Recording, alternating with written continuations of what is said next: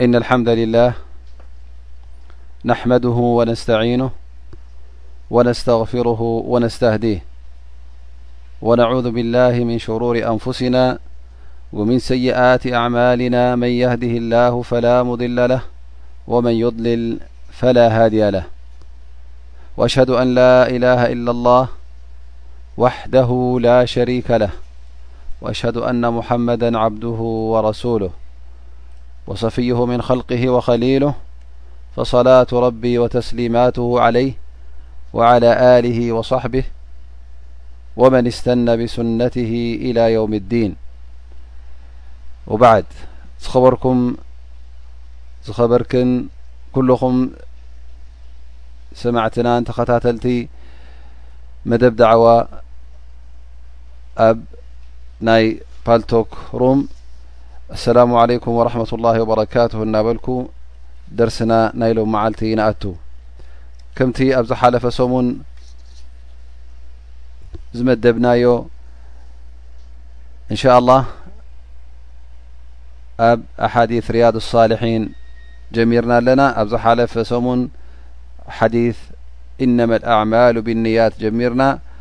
ኣብ መንጎ ከኣ ግዜ ስለ ዝኣኸለ ኣቋሪጽናዮ ነርና እንሻኣላህ ሎሚ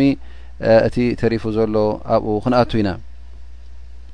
ጠብዓ ኣብ ዝሓለፈ ሰሙን ካብቲ ዝበጻሕናዮ እቲ ምጥንጣን ወይ ከዓ እቲ ሂጅራ ዝበሃል እቲ ምፍላስ ዝበሃል ካብ ዓዲ ወይ ከዓ ካብ ቦታ ናብ ቦታ እዚ ሓደ ዓይነት ይኸውን ኢልና ነርና ማለት እዩ ናብኡ ድማ ተዛሪብና ነርና ግዴታ ሓደ ሰብ ኣብቲ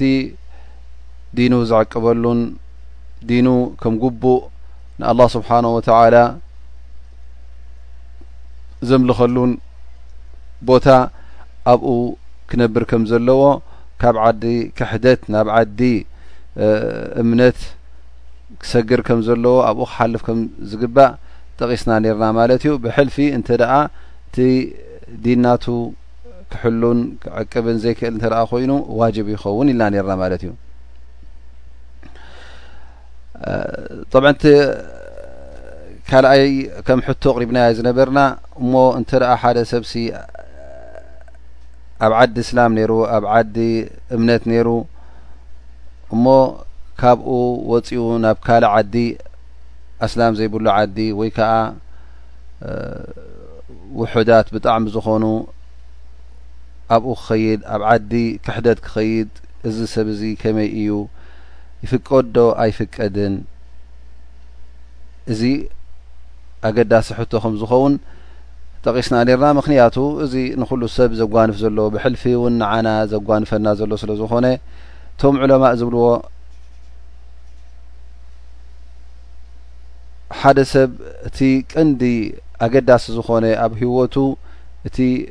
ዲኑ ስለ ዝኾነ ኩሉ ግዜ ነቲ ዲኑ ዝሕልወሉን ነቲ ዲኑ እውን ዘበራትዓሉን ዘሐይለሉን ነገራት ክገብር ኣለዎ ደኣ እምበር ነቲ ዲኑ ዘፍኩሰሉን ዘስንፈሉን ኣብ ጌጋ ዘውድቆን ዲኑ ዝረስዖን ኣብኡታት ክርከብ ስለ ዘይብሉ ንገዛእ ርእሱ እቲ ካብ ዓዲ እምነት ወጺእካ ናብ ዓዲ ክሕደት ክትከይድ ከለኻ ኣብቲ ዲንካ ዝመጽእ ሽግራት ሓደጋ ኣብቲ ስነ ምግባርካ ጠባያትካ ዝርከብ እውን ጥፍኣት እዚ ስለ ዘሎ ግዴታ ወዲ ሰብ ካብ ዓዲ እምነት ናብ ዓዲ ክሕደት ክኸይድ ከም ዘይብሉ ዑለማእ ይጠቕሱ ማለት እዩ ምክንያቱ እስኻ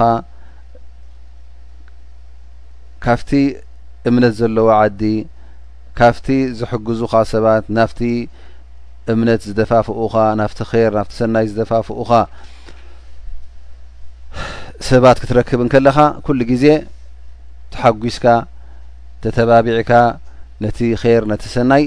ትፍጽሞ ማለት እዩ ግን እንተ ደኣ ምሳኻ ንበይንኻ እንተ ደኣ ኮንካ ከም ጓና ትነብር እንተ ደኣ ኮንካ ኩሉ ሰብ ኣንጻርካ ኩሉ ሰብ እስኻ ትኣምነሉ ዘይኣምነሉ ኩሉ ሰብ እስኻ ጌጋ ትሪኦ ንሱ ቁኑዕ ዝሪኦ እንተ ኮይኑ ጓና ኮንካ ስለ ዝስምዓካ ድሕሪ መዓልታት ድሕሪ ኣዋርሕ ድሕሪ ዓመታት ከም ህዝብኻ ከም ትብኡ ዘሎ ክትመስል ክትፍትን ኢኻ ስለዚ ኣብዚ ከምዚ ንኸይትወድቕ እነቢ ስለ ላሁ ለ ወሰለም ፍፁም ካብ ዓዲ እምነትሲ ናብ ዓዲ ክሕደት ክትከይድ ከም ዘይብልካ ኣጠንቂቖም እዮም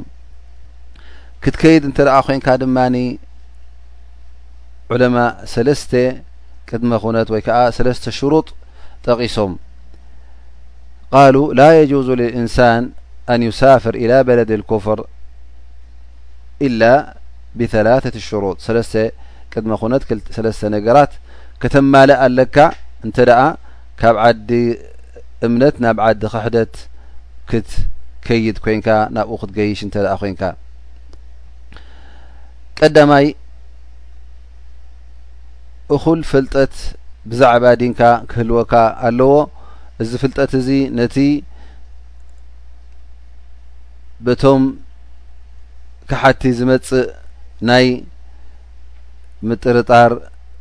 ናይ ኣፍተዲንካ ሕቶታት ምሕታት ነዚ ነገራት እዚ ክትገጥመሉ እትኽእል ዕልሚ ክህልወካ ኣለዎ ምክንያቱ እንተ ደኣ ኣብቲ ዓዲ ክሕደት ተቐመጠ ኮንካ ግዴታ እቶም ኣብኡ ዘለዉ እቲ ዲናህካ ስለ ደስ ዘይብሎም እቲ ዲናህካ እውን ሃይማኖቶምን በበይኑ ስለ ዝኾነ ነቲ ናቶም ዲን እዮም ክቡርን ልኡልን ገይሮም ዝርእዎ እቲ ንስኻ ሒዝካዮ ዘለኻ ዲን ፍጹም ኣይዓጅቦምን እዩ ስለዚ እሶም እንታይ ክገብሩ ይፍትኑ ሕቶ እናሓተቱ ክዛረቡኻ ከለዉ ኣብቲ ዲንካ ጥርጥራ ክእትውልካ ሕቶታት እናሓተቱ ንሕና ውን ኩላህና እንፈልጦ ኣሎ ብዛዕባ እስልምና ክዛረቡ ከለዉ እንተ ርኢኻዮም እቲ ንዓኻ ጥርጠራ ዘእትወልካ ነገራት ጉዳይ ናይ እስልምና ከምዝን ከምዝን ጉድለት ኣለዎ ብልካ ስለምንታይ ኣርባዕተ ትምርዓዉ ስለምንታይ ኣብ ውርሻ ወተባዕታይን ጓል ንሰይትን ሓደ ዘይትገብርዎም ስለምንታይ እስልምና ማዕርነት የብሉን ስለምንታይ እስልምናኸ ናይ ናጽነት ከም ድላይካ ንኽትኣምን ክትክሕድ ክትኣምን ዘይከፍተልካ እናበሉ ከም ዝኣመሰለ ዘጠራጥረካ ነገር ሕቶታት ክሓቱኻ ይጅምሩ እሞ ነዚ ሕቶታት እዚ ክትምልስ እንተ ዘይትኽእል ኮንካ ምናልባሽ ኣብ ልብኻ ጥርጠራ ክሓድረካ ስለ ዝኽእል እቲ ጥርጠራ ንገዛእ ርእሱ እንታይ እዩ ዝቁፀር ጥርጠራ እንድሕር ሓዲሮ ሓደ ሰብ እዚ ክሕደት እዩ ዝቁፀር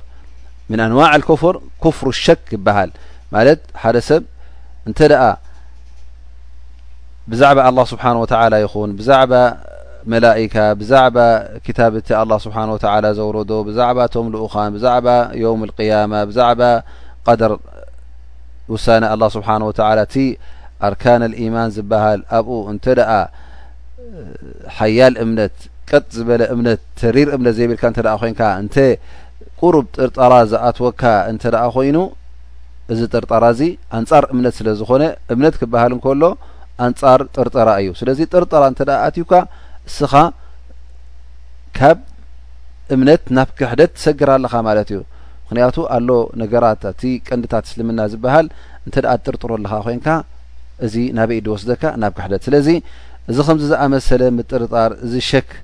እንተ ደኣ ዝመጽእ ኮይኑ ንገዛእ ርእሱ ንስኻ ሕጂ ትጠፍእ ኣለኻ ማለት እዩ ስለዚ ቶም ጸላእትኻ ቶም ካሓቲ እቲ ናትካ እምነት እቲ ናትካ ሃይማኖት ስለ ዘይዓገቡሉ ጉድለት ስለ ዝርእዩሉ ኩሉ ግዜ ንዓኻ ድሕሪት ንክመልሱኻ ንዓኻ ካብቲ ዘለኻዮ እምነት ንከውጹኻ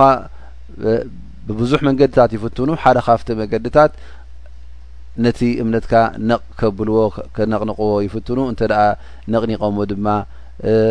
ሸክ ጥርጠራ እንተ ኣትዎ ንስኻ ንገዛእ ርእስኻ ኣብ ሽግር ወዲቕካ ማለት እዩ ስለዚ ከመይ ጌርካ ኢኻ ካብዚ ጥርጠራ ትወፅእ ከመይ ጌርካ ኢኻ ካብዚ ኣጠራጣሪ ዝኾነ ሕቶታት ክሓቱኻ ከለዉ ትሰግሮ ከመይ ጌርካ ትገጥሞ እኹል ፍልጠትን ዕልምን ክህልወካ ከሎ ስለምንታይ ኣላ ስብሓን ወተዓላ ንወተባዕታይ ኣርባዕተ ክብርዖ ፈቂድሉ ንጓል ንሰይቲ ዘይፈቀደላ እንታይ እዩ እቲ ሕክማ ናቱ ክትፈልጥ እንከለኻ እቲ ኣላ ስብሓን ወተዓላ ዝሸርዖ ሸርዒታት ኩሉ ካብ ምንታይ መፅኡ ከመይ ኢሉ መፅኡ ኩሉ ክትርዳእ እንከለኻ ክትፈልጥ እንከለኻ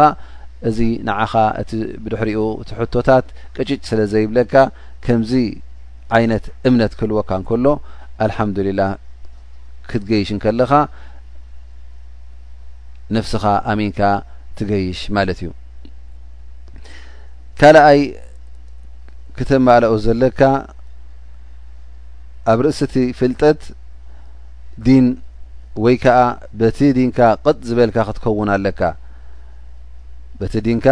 ነቲ ዲንካ ዝሓዝካ ቀጥ ዝበልካ ክትከውን ኣለካ ማለት ሱቂልካ ከምቶም ኣስላም ኢና እናበሉ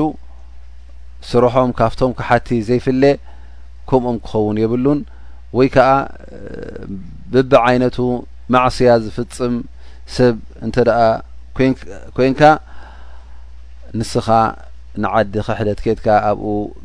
ንክትቅመጥ ይኹን ወይ ከዓ ብስራሕ ኢልካ ክትከይድ ኣብኡ እኹል ኣይኮንካን ስለዚ ከምዚ ዝኣመሰለ ቀጥ ዝበለ ናይ ኢማን ነቲ ኢማንካ ቀጥ ኣቢልካ ትሕዝን ተግባራት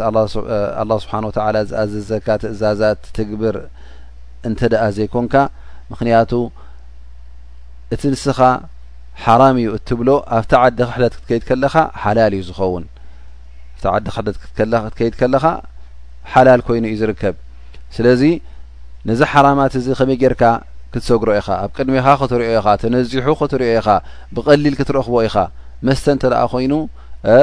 ኣብ ኩሉ ቦታ ተኸፊቱ ብቢ ዓይነቱ መስተ ተዘርጊሑ ትረክብ ምንዝርና እንተ ደኣ ኮይኑ ኣብ ኩሉ ቦታ ትረኽቦ ብቀሊሉ ሓረጣ እንተ ኮይኑ ኣብ ኩሉ ናይ ማላዊ ኤኮኖማዊ ምንቅስቃሳት ኣትዩ ትረኽቦ ማለት እዩ እወ ሕጂ ምናልባሽ ውንቲ ዓዲ እስልምና ዝበሃል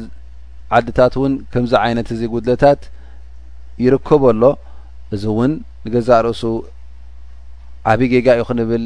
ይግባእ ግን ወላ እንተ ከነመዛዝን ኮይና እቲ ኣብ ዓደ እስላም ዘሎ ናይ እስልምና ናብራን ኣዛን ትሰምዓሉን ቦታ ትሰግደሉ ብቀሊል ትረክብን መሳጊድን እዚ ንገዛእ ርእሱ ነቲ ኢማንካ ነቲ ተግባራትካ ናይ ኣላ ስብሓን ወተላ ኢልካ እትገብሮ ዒባዳኻ ንዕኡ ዝሕግዘካ እዩ ግን እንተ ኣብ ዓዲ ክሕደት ኮንካ ንገዛእ ርእሱ እትሰግደሉ ቦታ ምስ ሰብካ ምስ ጀማዓ ኣይክትረክብን ኢኻ እቲ ሸዓኢር ኣልእስላም ዝበሃል ብዙሕ ነገራት ክጎድለካ እዩ እቲ ዝበልናዮ ድማ እቲ ሓራም ነገራት ብቐሊሉ ክርከብ ስለ ዝከኣል እሞ እንተ ናይ ብሓቂ ኢማን ዘይብልካ ኮንካ ናይ ብሓቂ እቲ ዲንካ ቀጥ ኣቢልካ ዝሓዝካ እንተ ዘይኮንካ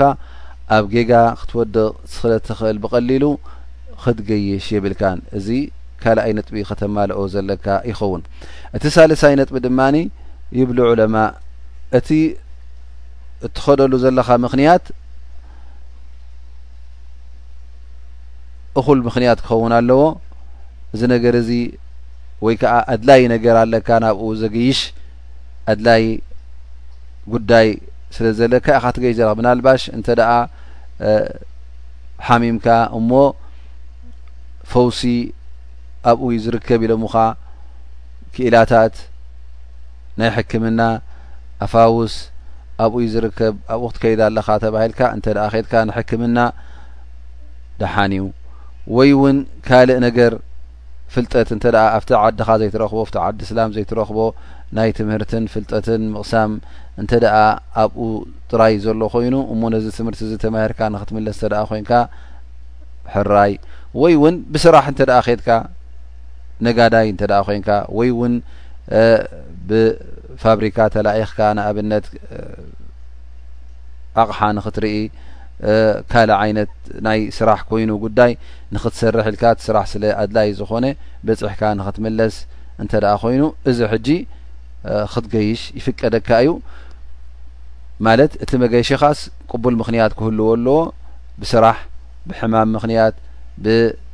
ንትምህርቲ ኮይኑ ንኸም ዝኣመሰለ ክኸውን እንከሎ ይፍቀደካ ማለት እዩ። ምስቲ ዝጠቐስናዮ ከተማልኦ ዘለካ ናይ ፍልጠትን ብዛዕባ ዲንካን ከምኡ እውን እኹል ፍልጠት ሃልዩካ ኣብ ርእሲኡ ድማ ሓያል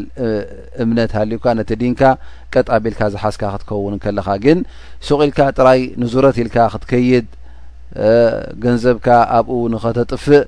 ጥራይ ጎቦ ረኣኹ ወይ ከዓ ጎልጎል ረእኹ ኢልካ ነዚ ነገራት እዚ ንኽትርኢ ክትከይድ እንተ ኮንካ እዚ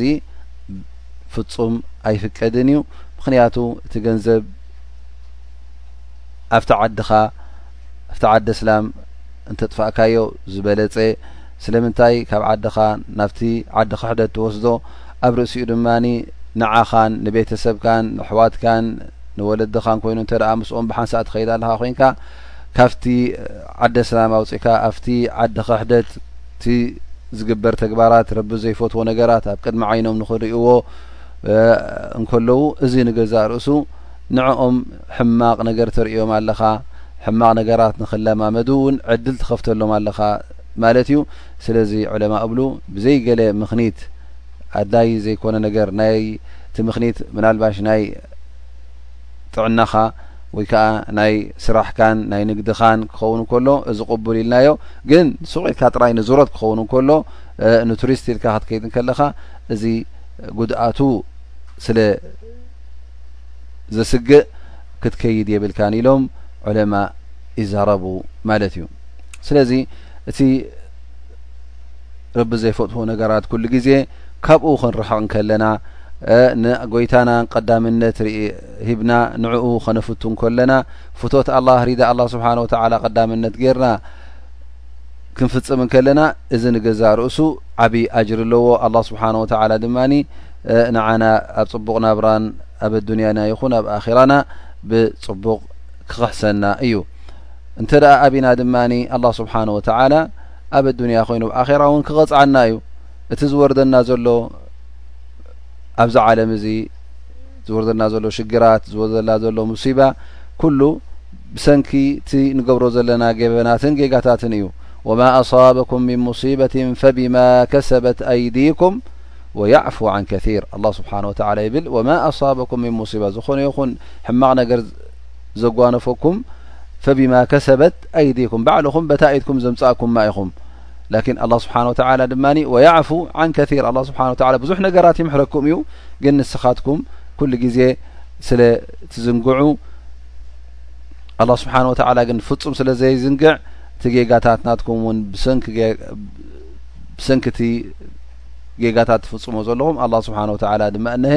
ይቐፅዓኩም ወለቀድ ኣኸዝናሁም ብልዓዛብ ፈመስተካኑ ልረብህም ወማ የተضራዑም ኣላ ስብሓን ወተላ እውን እቶም ዓመፀኒያታት እቶም ካብ መንገዲ ዝወፁ ኣላ ስብሓን ወተላ ብስቃይ ክቐፅዖም እንከሎ እዞም ሰባት እዚኦም እዚ መቕፃዕቲ እዚ ብሰንኪ ዘንብና ኢሎም እንተ ደኣ ዘይምለሱ ኮይኖም ናብ ረቢ እተ ዘይምለሱ ኮይኖም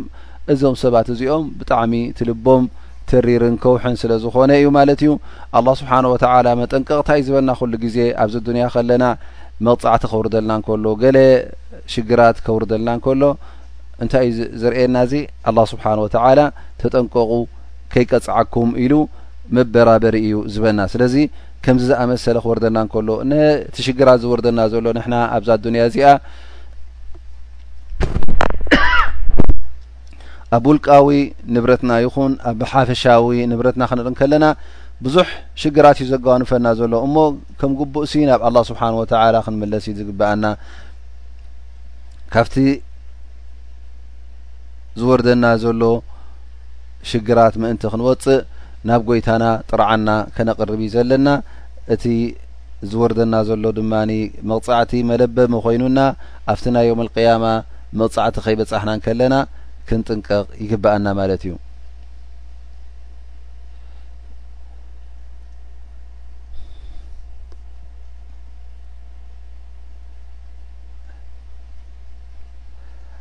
እንተ ደኣ ሓደ ሰብ ድማ ኣብ ንዓዲ ክሕደት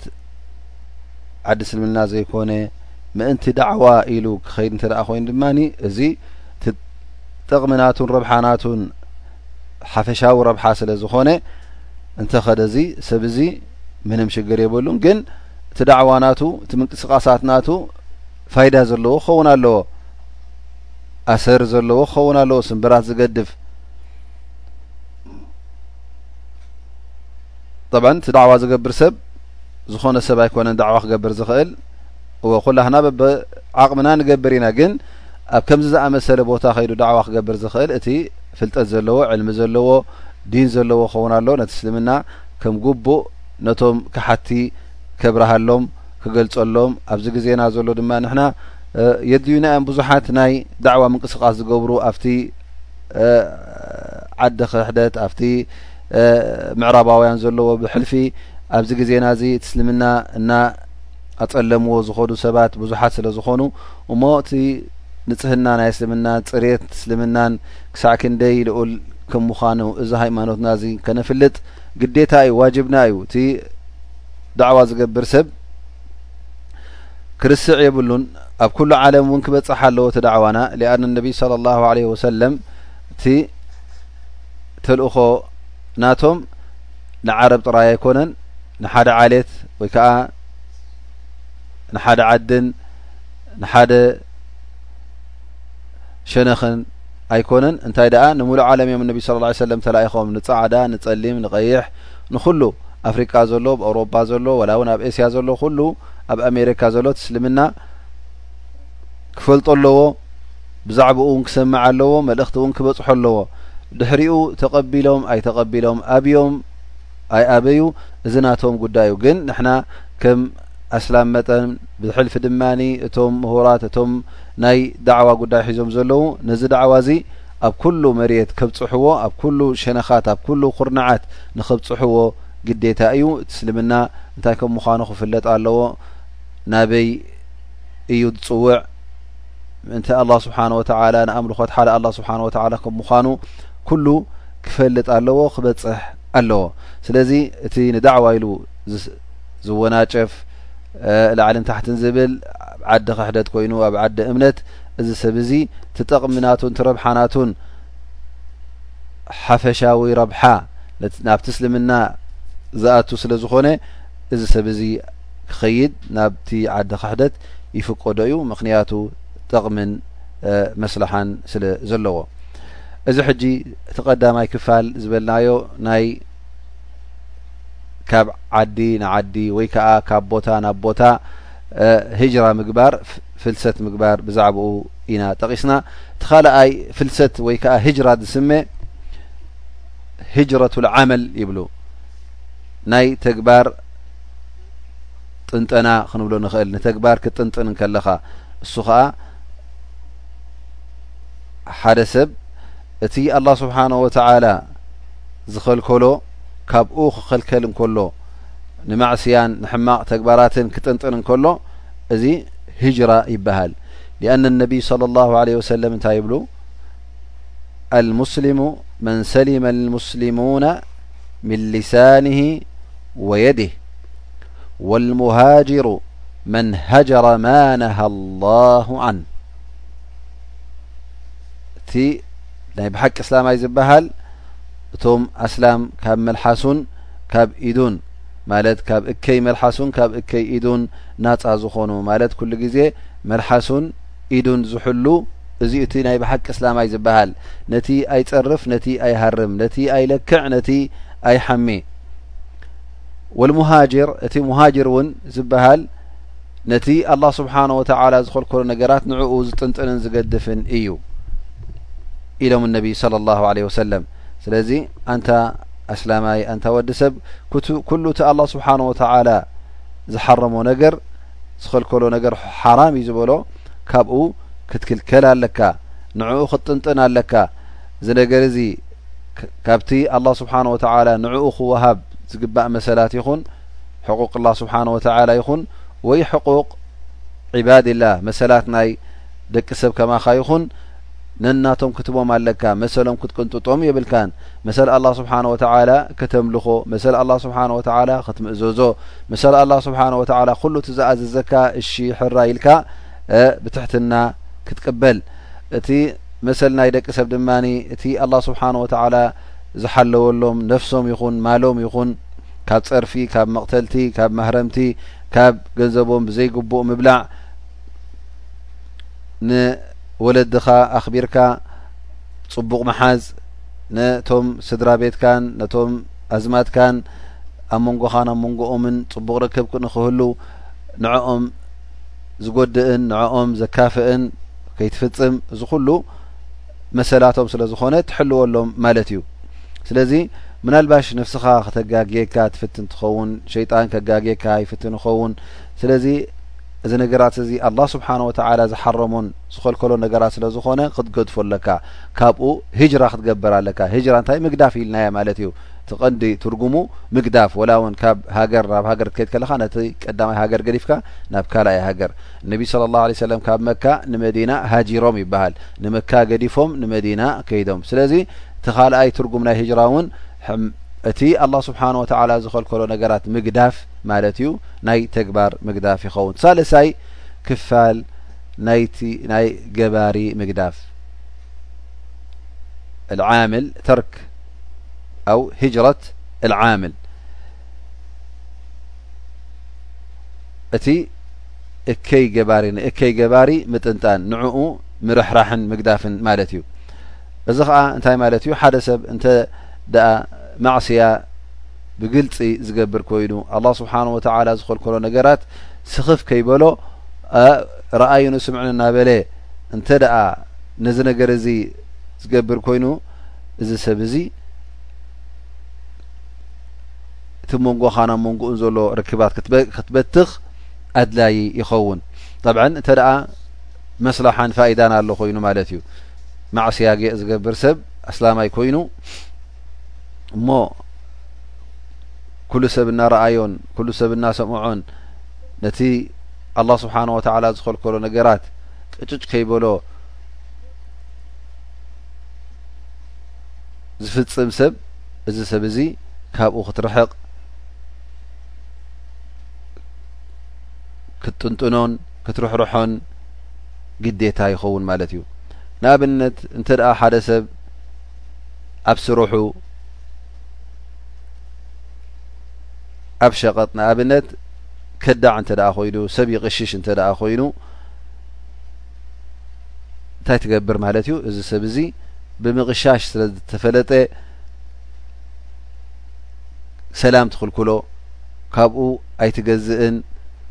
ካብኡ ትርሕቕ ኣብ ሓጎሱን ሓዘኑን እውን ኣይትሐወሶን እዚ እንታይ ማለት እዩ እንተ ደኣ እዚ ሰብ እዚ ከምዚ እንተ ደኣ ጌርካዮ ንስኻ እቲ ካልኣይ እውን ከምኡ እንተ ደኣ ገይርዎ እሞ ኣነስ ኣብዚ ህብረተሰበይ ዝሞ ተጸሊኤ ዶ ክነብር ኮይነ ኢሉ ድዕረ እንተ ደኣ ኮይኑ ካብቲ ማዕስያናቱ ዘጓድል እንተ ኮይኑ እዚ ሰብ እዚ ከምዚ ጌርካ ትርሕቆ ማለት እዩ ወይ እንተ እቲ ስራሕ ናቱ ኩሉ ግዜ ብሓረጣ ዝሰርሕ እንተ ኮይኑ ነዚ እውን ምእንቲ ሓፊሩን ምእንቲ ኣነስ ኩሉ ሰብ ፎእ ኢሉኒ ኢሉ ካብቲ ዘለዎ ገበን ምእንቲ ክቁጠብ ኢልካ እንተ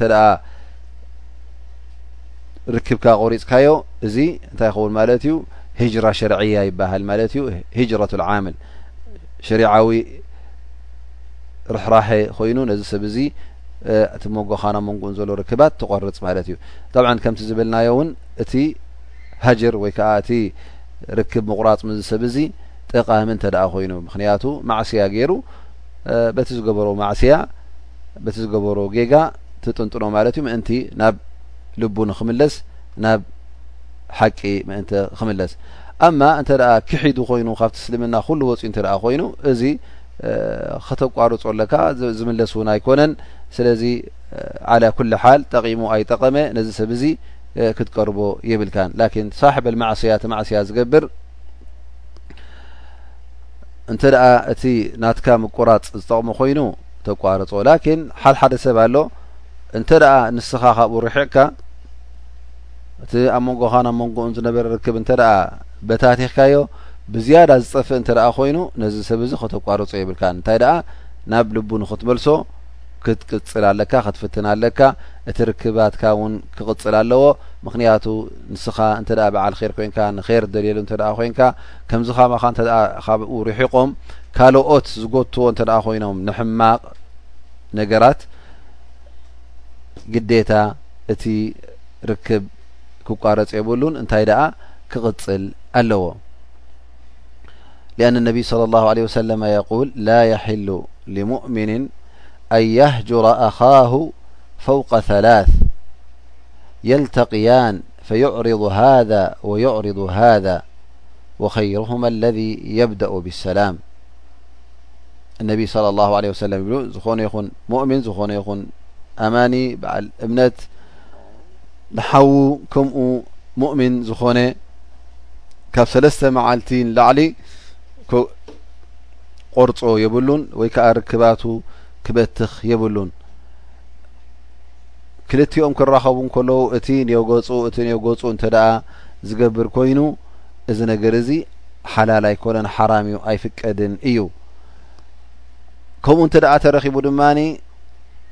ተጻሊኦም እንተ ሰላም ዘይበሃሃሉ ኮይኖም እቲ መጀመርያ ንክተዓረቕ ፈቲኑ ሰላም ኢሉ ብሰላም ዝጅምር እዚ እቲ ዝሓሸን እቲ ዝበለጸን እዩ ይብሉ ነቢና መሓመድ صለ ላሁ ለ ወሰለም ስለዚ እዚ ማዕስያ ዝገብር ዘሎ ሰብ ክሒዳ ክሓዲ ስለ ዘይኮነ ሓውኻ እዩ ዝቁጸር ወላ እውን ማዕስያ ይፈጽም ስለዚ ክትሕግዞ ኣለካ ካብቲ ዘለዎ ጌጋ ንክወጽእ እቲ ምሕጋዝ ናቱ እውን ከምቲ ዝበልናዮ ወይ እቲ ርክባት ብምቁራፅ ይኸውን ገለ ሰባት እንተ ደኣ ርክባትካ ኣቋሪፅካ ዝምለሱን ዝጠቕሞምን ኣሎ ገለ ሰባት ድማ እንተ ደኣ ርክባትካ ኣቋሪፅካ ብዝያዳ ዘጥፍኦምን ዝጎደኦምን ኣሎ ስለዚ እቲ ረብሓን እቲ ጠቕምን ክትርኢ ኣለካ ማለት እዩ እንተ ደኣ ገዲፈዮ እንተ ደኣ ኣቋሪጸዮ እንታይ እንታይ እዩ ዝርከብ እቲ ረብሓታት እንተ ደኣ ኸ ቀጺለ ምስኡ ይዕረ ይኸውን ኢልካ ንኹሉ መዛዚንካ ክትሪኦ ይግባእ ማለት እዩ ነዛ ነገር እዚኣ እንተ ደኣ ምርትዖ ክንበላ ኮይና ኣብ ግዜ ነቢና ሙሓመድ صለ ላሁ ለ ወሰለም ነቢ صለ ላሁ ለ ወሰለም ንኩናት ምስ ወፁ ንተቡክ ገፆም ኩሉ ድማ ክኸትት ከም ዘለዎ ክተርፍ ከም ዘይብሉ ብጀካቶም ክእለት ዘይብሎም ወይ ከዓ ኣብ ኣካሎም ይኹን ካልእ ዓይነት ምኽኒት ሸሪዓዊ ምኽኒት ማለት ቅቡል ምኽኒት ዘለዎም ብቑዕ ምኽኒት ዘለዎም እንተዘይኮይኑ ክተርፍ ከም ዘይብሉ ኩሉ ክኸትት ከም ዘለዎ ኢሎም ምስተዛረቡ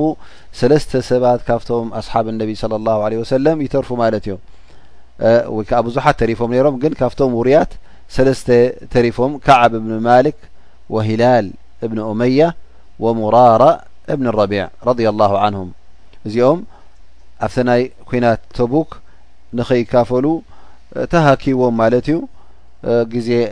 ሃሩር ስለ ዝነበረ ብርቱዕ ጸሓይ ነይሩ እሞ ኸኣ መገሻ ኣብቲ ግዜቲ ማይ ዝውሕደሉን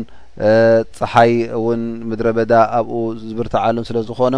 ስለዝኾነ እቲ ኣብ መዲና ኣብቲ ሰዓት እቲ ድማ ኩሉ ሰብ ኣይገይሽን እዩ ነይሩ ኣብቲ እዋን እቲ ኣብቲ ኣዋርሕ ምክንያቱ ኣብቲ ኣዋርሕ እቲ ተምሪ ዝኣትወሉ ሸዊት ናይ ተምሪ ዝብልዓሉ ስለ ዝኾነ ካልእ ዓይነት ፍሩታታት እውን ሽዕኡ ዝብልዓሉ ስለ ዝኾነ መብዝሕቱ ሰብ ኣብ ዓዲ እዩ ዘሕልፎ ነይሩ ስለዚ እዞም ሰባት እዚኦም ተሃኪቦም እቲ ዘለዎ ናብራ እቲ ናይ መዲና ናይ ከተማ ናይ ዓዲ ደስ ስለ ዝበሎም ሎሚ ፅባሕ ንኸይድ እናበሉ ሓሊፍዎም ማለት እዩ ኣብ መጨረሻ ነቢይ ስለ ላሁ ለ ወሰለም ካብ ተቡክ ምስ ተመለሱ ነዞም ሰለስተ ሰባት እዚኣቶም ካብቲ ዝሃብዎ ውሳነ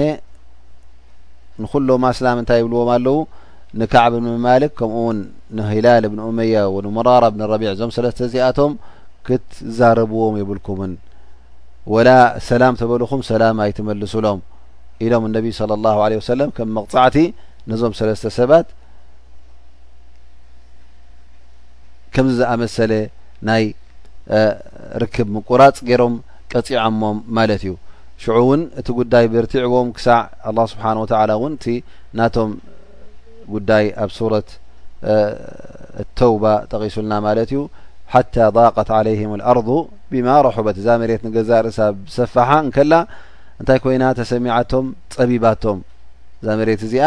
ብሰፋሓ እንከላ ፀቢባቶም ማለት እዩ እቲ ጉዳይ እውን ኣሸጊርዎም ግን እሶም እዞም ሰለስተ ሰባት ጌጋ ከም ዝገበሩ ስለ ዝፈልጡ ዝነበሩ እሞ ኸኣ ከም መቕጻዕቲ ሰለ ዝወርዶም ስለ ዝፈለጡ እዚ ነገር እዚ ናብ ቶባ ኣምሪሕዎም ቶባ ንኽሓቱ እውን ደፋፊእዎም ማለት እዩ ለይትን መዓልትን ናብ ጎይታ ናብ ኣላ ስብሓን ወተላ ተመሊሶም ዱዓ ገብሩ ነይሮም ኣላ ስብሓን ወተላ ንክፍርጀሎም እቲ ዘለዎ ሽግር ኣላ ስብሓን ወተላ ንክውድኣሎም ናብኡ ጥራይ ስለ ዘቕንዑ እቲ ኣነቢ صለ ላه ለ ሰለም ዝሃቦ መቕጻዕቲ ድማ ኩሉ እሺ ኢሎም ተቐቢለሎም ተቐቢሎሞ ኣብ መጨረሻ ድማ ቶባ ምስ በሉ ንሳሐ ካብ ኣላ ስብሓን ወተላ ምስ ጠለቡ ኣላ ስብሓን ወተላ ድማ ቶባ ኢልሎም ስለዚ እዚ መርትዖ ማለት እዩ እንተ ደኣ ጠቕሞም ኮይኑ ርክባትካ ክትቆርፅ ነቶም ገበነኛታት ምስቶም ገበነኛታት ንኸይትራኸብ እዚ ነገር እዚ እነቢይ ስለ ላሁ ለ ሰለም ባዕሎም ዝፈፀምዎ እዮም ባዕሎም እውን ዝገበርዎ ስለ ዝኾኑ ሸሪዓዊ ኮይኑ ይርከብ ማለት እዩ ስለዚ ተን ሰለስተ ዓይነት ናይ ሂጅራ ዝበሃላ እወ ኣብቲ ሓዲ እንተ ርእናዮ እቲ ተጠቂሰሎ ሂጅራ ኣልሂጅራ ምን መካን ኢላ መካን ካብ ቦታ ናብ ቦታ ፍልሰት ምግባር ወይ ከዓ ምስዳድ ማለት እዩ እዚ እቲ ሓደ ዓይነት እዩ ግን ኣብ ካልእ ሓዲ ተመሳሳሊ እውን ዝረከብናዮ ሂጅራ ናይ ተግባር ኣሎ ማለት እዩ ነቲ ኣላ ስብሓን ወተላ ዝኸልከለካ ነገራትን ተግባራትን ካብኡ ክትክልከል ከለኻ እዚ እውን ህጅራ እዩ ዝበሃል ከምኡ እውን ነቲ ገባር እከይ እውን ርክባትካ ምስኡ ክትበትኽ እንከለኻ ንዕኡ ክትርሕርሕ እንከለኻ ድማ ጠንጢንካዮ ፍፁም ከይትግደስካ ብዘይ ተገዳስነት ክትሪኦ ከለኻ ከምዘየሎ ክትገብሮ ከለኻ እዚ ጠቃሚ እንተ ኮይኑ እውን ኣብ ሸርዒ እስልምና ከም ተኣዘዝናዮ ሓቢርና ማለት እዩ በዚ ናይ ሎ መዓልቲ ደርስና ይፍፅም እንሻ ላ ኩላህና ትጠቂምና ንክኸውን ተስፋ ይገብር ብዝሓለፈ ሰሙን እታ ፍርቂ ሓዲስ ለያ ነርና ሎሚ ድማ